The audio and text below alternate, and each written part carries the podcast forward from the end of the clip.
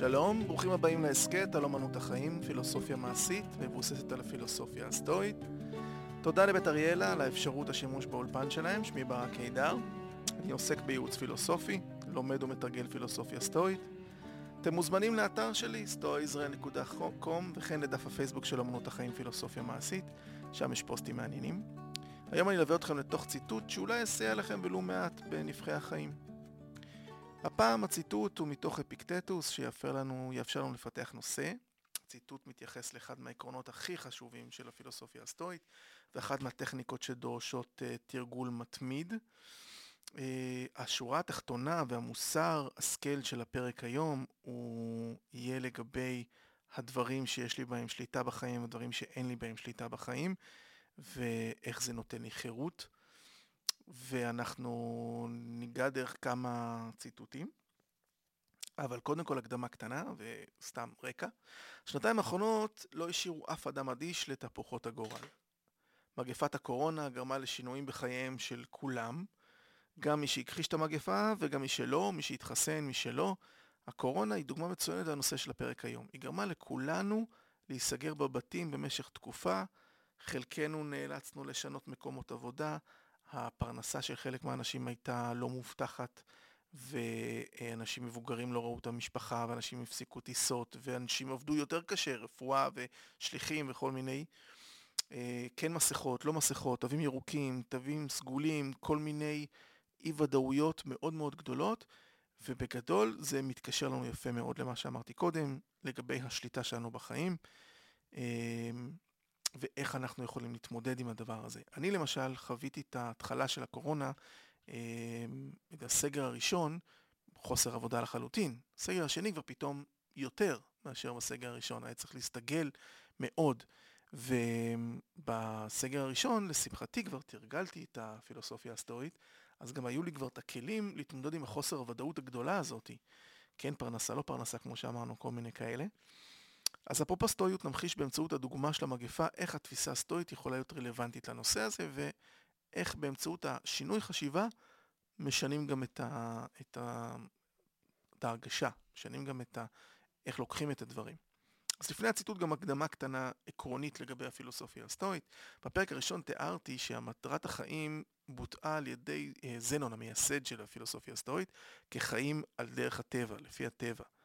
אמ, וגם דיברנו קצת על החוכמה בפרק 12, אה, ועל לחיות בהרמוניה עם הטבע, כמו שאומרים הסטואים. ואני יודע שלחיות בהרמוניה עם הטבע נשמע כמו לחבק עצים, אבל לא, זה לא, זאת לא הכוונה. אה, ראש האסכולה השלישית של הסטואו, זה שעשה אותה ממש שיטה סדורה, הוא הסביר מה, מה הכוונה בהרמוניה עם הטבע. הוא הסביר שיש למעשה שני היבטים, אחד פנימי, אחד חיצוני. לחיות בהרמוניה עם הטבע זה מחולק ל... העובדה שכל בני האדם יש להם יכולת חשובה רציונלית. כל בני האדם יכולים לחשוב בחשיבה ביקורתית על החשיבה של עצמם, על, לחשוב על השיפוט של עצמם ולחשוב רציונלי ברמה של אה, הלימה לחוקי הטבע ממש, לאחד ועוד אחד שווה שתיים. ולא רק לפי רגשות ותשוקות.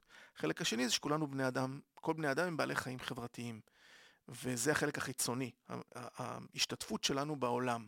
זאת אומרת, לחיות בהרמוניה, אה, זה אומר לחיות בהרמוניה גם עם עצם החשיבה שלי, עם עצם החשיבה הרציונלית שלי, ולא להיות מושפע מרגשות שליליים וכל מיני דברים לא מועילים בחיים, וגם איך אני חי בהרמוניה עם הסביבה שלי, עם האנשים אחרים בעולם ועם המציאות שלא לא קשורה אליי, שלא תלויה בי.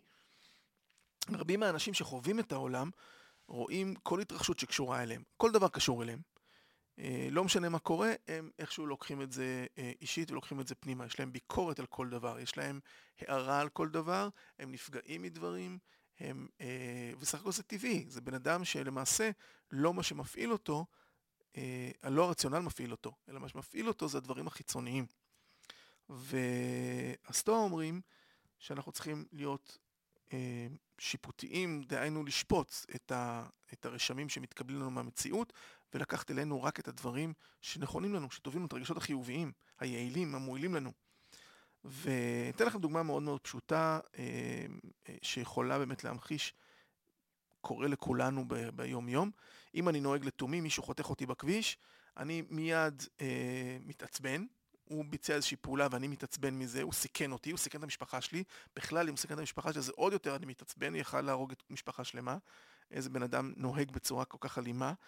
אה, מתעוררים בי יצרים מאוד הישרדותיים באותו רגע.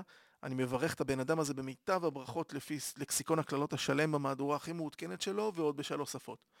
אז אני גם חותך אותו חזרה כדי ללמד אותו לקח, דופק לו מבט uh, מאיים, אלא אם כן הוא נראה לי חשוד, אז אני רק דופק מבט, נוזף.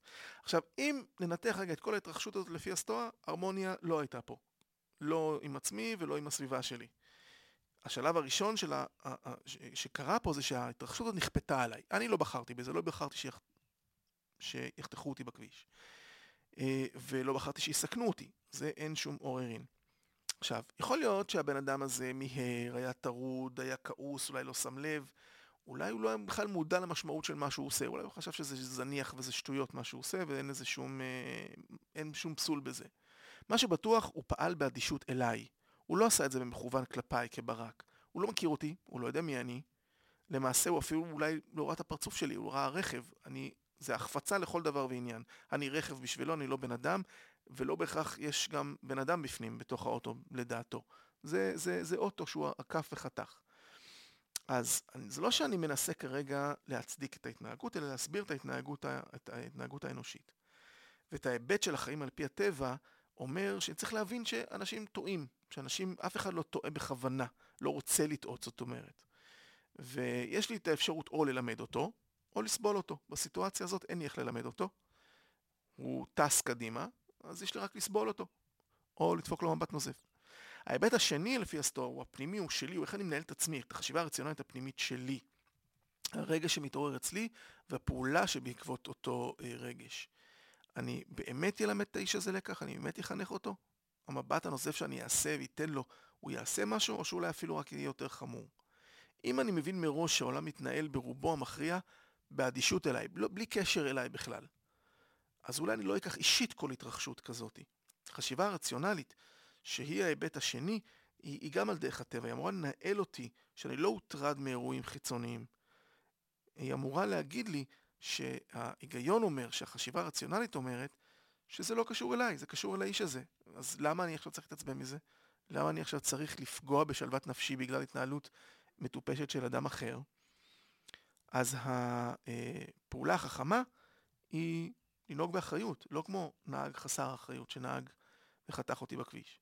מאוחר יותר אפיקטטוס הסביר שהדרך לעשות את הדבר הזה היא לתת תשומת לב להבחנה בין הדברים שתלויים בנו לדברים שלא תלויים בנו.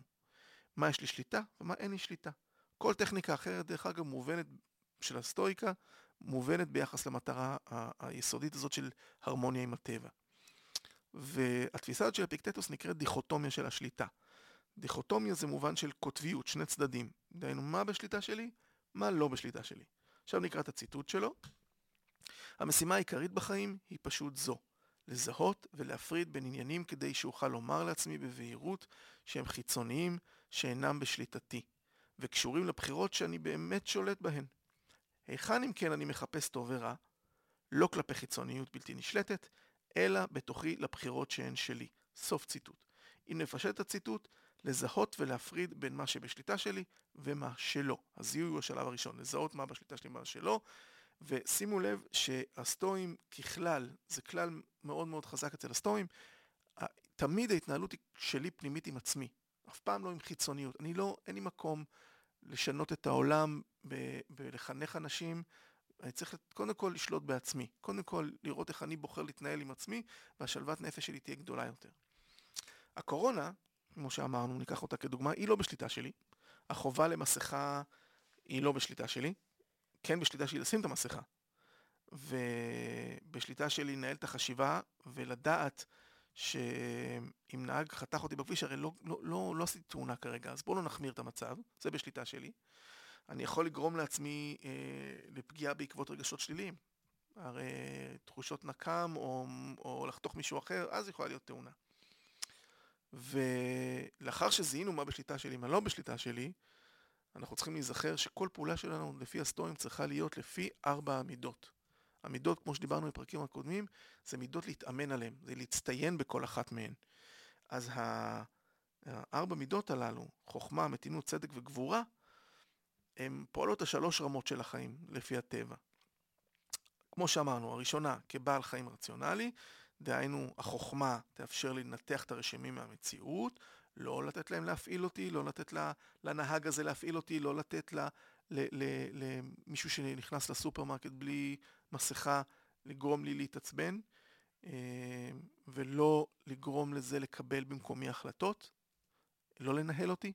המגפה הזאת לא צריכה לנהל אותי, או לפחות לצמצם את כמה שהיא מנהלת לי את החיים, ולקבל את העובדה שאין לי השפעה עליה. גם אם אני מתכחש לקיום שלה, אני לא יכול להתכחש שהיא משנה את המציאות שלי.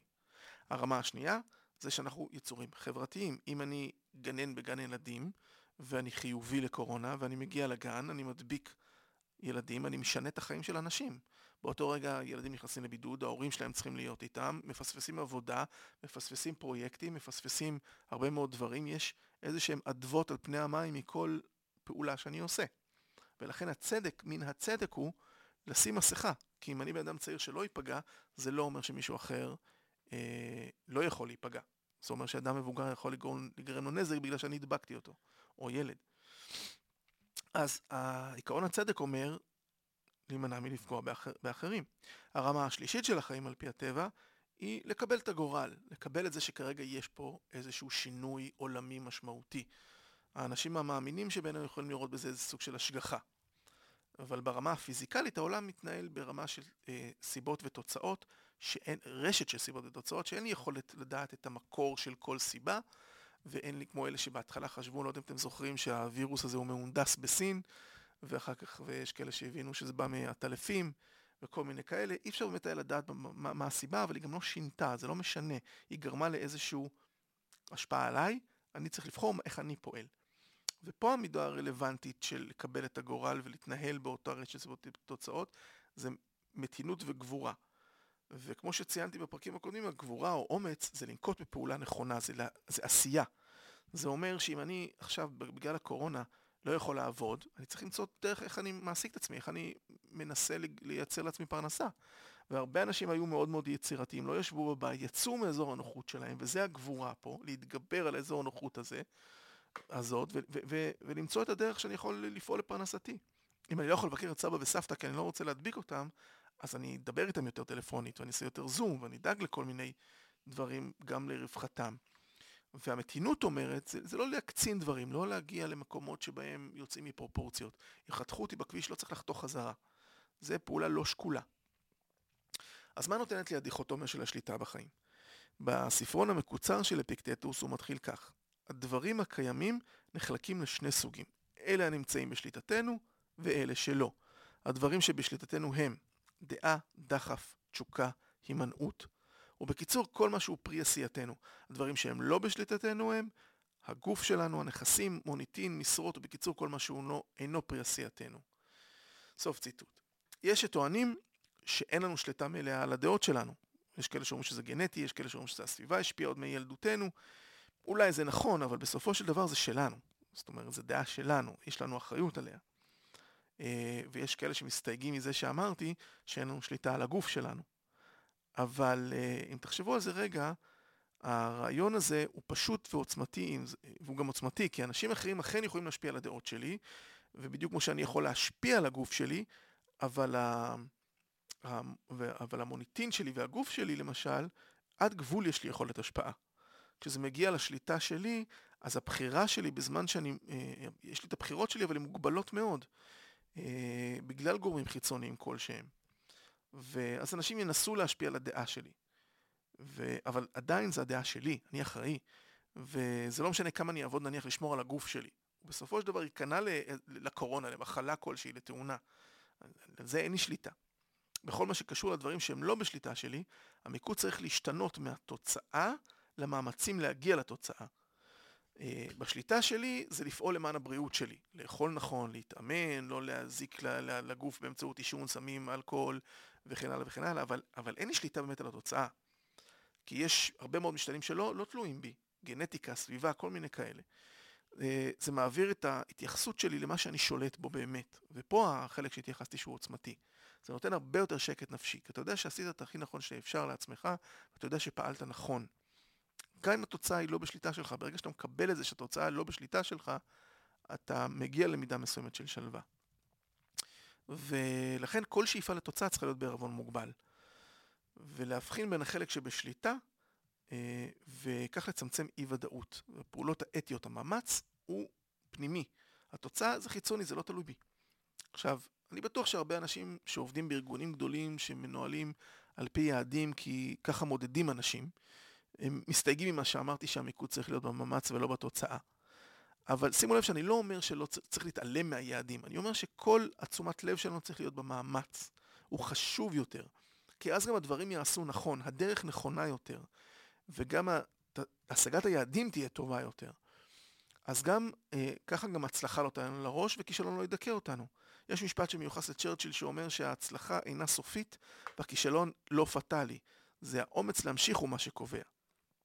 הרי תחשבו על זה רגע שהמידה ביעד לא אומרת שזה הסוף, אין יותר יעדים, תמיד יהיו עוד יעדים, וגם אין, ושלא אין עוד צורך בהצלחות, וכישלון הוא לרוב לא סופני, ודווקא ממנו אפשר ללמוד יותר. אז אה, גם קיקרו דרך אגב, שהוא היה סנאטור ברומא העתיקה בתקופת אה, יוליוס קיסר, הוא כתב הרבה על הפילוסופיה בת זמנו, הוא אמנם לא היה סטואי, אבל הוא לקח הרבה מאוד מהסטואים. אה, הוא בחר לפעול על פי האתיקה הסטואית, יש לו ספר שנקרא תכליות הטוב והרע, הוא נותן שם דוגמה לדיכוטומיה. אה, אני לא אתן את הציטוט המלא כדי לא להלאות, אבל אני אתן את העיקרון. הוא אומר למעשה שצריך, שצריך לא להגיע למסקנה שיש שתי תכליות לטוב, שתי מטרות לטוב, אה, המאמץ והיעד וה, והמטרה, אלא יש רק אחד. רק המאמץ הוא הטוב העליון, וצריך לדמות את זה כמו חץ, שאם הוא יפגע במטרה שלו. אנחנו מכנים את ה... את ה את, אנחנו מתאמנים על החץ, ואנחנו שואפים לפגוע במטרה, אבל אה, השליטה היא שלנו רק במאמץ שלנו, אין לנו שליטה בתוצאה אם נפגע בדיוק בול במטרה או לא נפגע בול במטרה. אני יכול לעשות הכי טוב שאני יכול כדי שזה יקרה, אני יכול לקחת את כל המשתנים בחשבון, טיב החץ והקשת שאני משתמש בהם, הטופוג, הטופוגרפיה, אם אני על גבעה או על מישור, את, ה, את הרוחות ואת המזג האוויר, ואם יש רעש או, או אני יכול להתרכז, אם אני מיומן מספיק, אם, אם התאמנתי, אם אני מכיר את כל הטכניקות הנכונות לקליעת חץ וקשת למטרה. אחרי שלקחתי בחשבון את כל המשתנים, אני אראה את החץ, אבל עדיין התוצאה לא תהיה בשליטתי, אפילו אם הייתי הכי אופטימלי שיכול להיות והכי מיומן שיכול להיות. עדיין יכול להיות רוח פתאומית, עדיין שלא יכולנו לצפות אותה, יכולה להיות פתאום הפרעה סביבתית כלשהי, שאף אחד לא יכול לקחת אותה בחשבון. זה נכון גם לגבי, דרך אגב, כמו שאמרנו על הגוף, גם על הכסף ועל המוניטין שלנו, על קשרים חברתיים. אתה יכול להיות הבן אדם הכי טוב בעולם, ולעבוד קשה מאוד על המוניטין שלך, ועדיין מישהו יכול להוציא את דיבתך. אין לך שליטה על איך אנשים תופסים אותך. אתה עדיין צריך לפעול הכי נכון שאתה יכול לפעול. כסף, אפשר לחסוך ולחסוך ולחסוך, ואז אה, לנסות לעשות איזו השקעה מטופשת והוא ילך לאיבוד, או יגנבו אותו ממני. אין לי שליטה על הכסף. יש לי, חשוב לחסוך כסף, כן? זה, זה טוב, זה עוזר סך הכל בחיים. אבל זה לא הדבר העיקרי, זה לא הדבר הכי חשוב. אז המוסר ההשכל של הפרק הזה הוא פשוט להבחין בין מה שבשליטה שלנו ומה שלא בשליטה שלנו. להשתדל לא להשלות את עצמנו לגבי הדברים שאמת בשליטה שלנו. ולקחת בחשבון שדווקא מרבית הדברים הם לא בשליטה שלנו. מה שכן בשליטה שלנו, וזה החלק החשוב, זה השיפוט שלנו, איך אנחנו לוקחים את הדברים. הדחף שלנו, התשוקה שלנו, אותם אנחנו יכולים לשלוט בהם. להימנע מדברים, אותו דבר, זה גם כן. בשליטה שלנו, איך אני שופט את הדברים, ממה אני נמנע ומה אני עושה. ושם מצויה החירות שלנו. אם תחשבו על זה, אני בטוח שתמצאו שזה נותן לכם הרבה מאוד בחיים. אז תודה שהאזנתם, תודה לבית אריאלה, ואנחנו נתראה בפרק הבא, ובציטוט נוסף ותרגול נוסף. תודה.